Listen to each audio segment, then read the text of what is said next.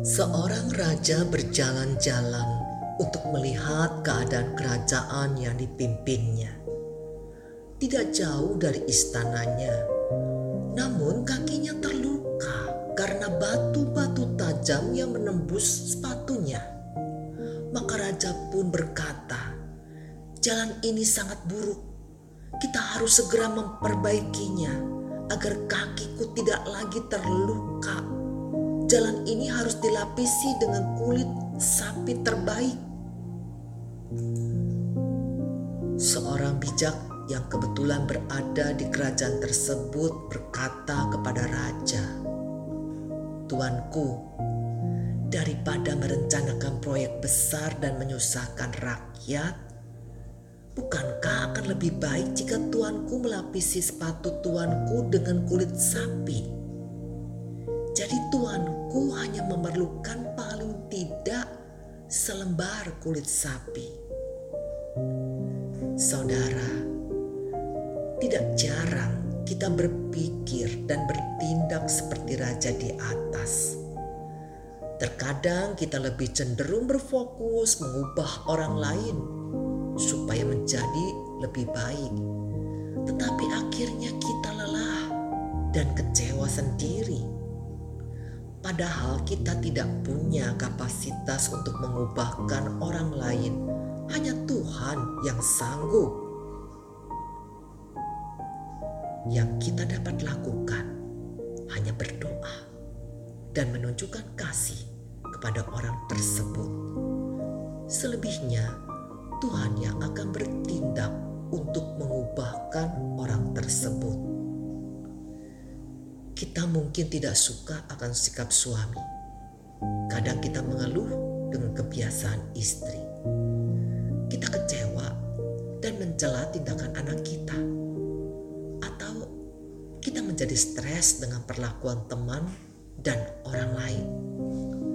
Semua kekesalan ini mendorong kita untuk mengeluh dan curhat kepada orang-orang yang terdekat yang kita temui kita mulai menularkan energi negatif yang pada akhirnya akan menyusahkan banyak orang.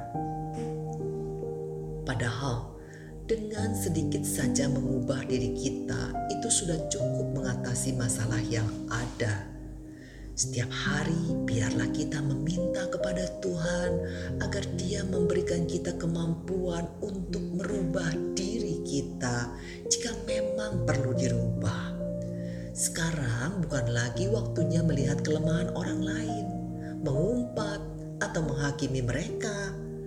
Kini saat kita menata diri sendiri agar semakin sempurna dalam pandangan Allah. Berdoalah kepada Tuhan, mintalah hikmat dan tuntunan Roh Kudus untuk menunjukkan kekurangan kita, sehingga kita bisa berubah Roma bab 12 ayat 2 berkata, Janganlah kamu menjadi serupa dengan dunia ini, tetapi berubahlah oleh pembaruan budimu, sehingga kamu dapat membedakan manakah kehendak Allah, apa yang baik, yang berkenan kepada Allah, dan yang sempurna.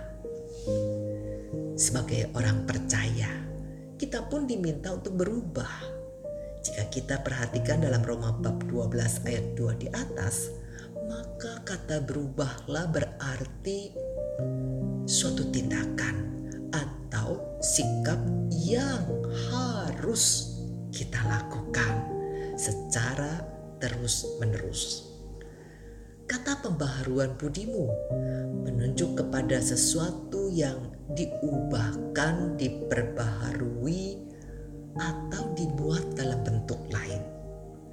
Sedangkan kata budi memiliki arti pikiran atau pengertian.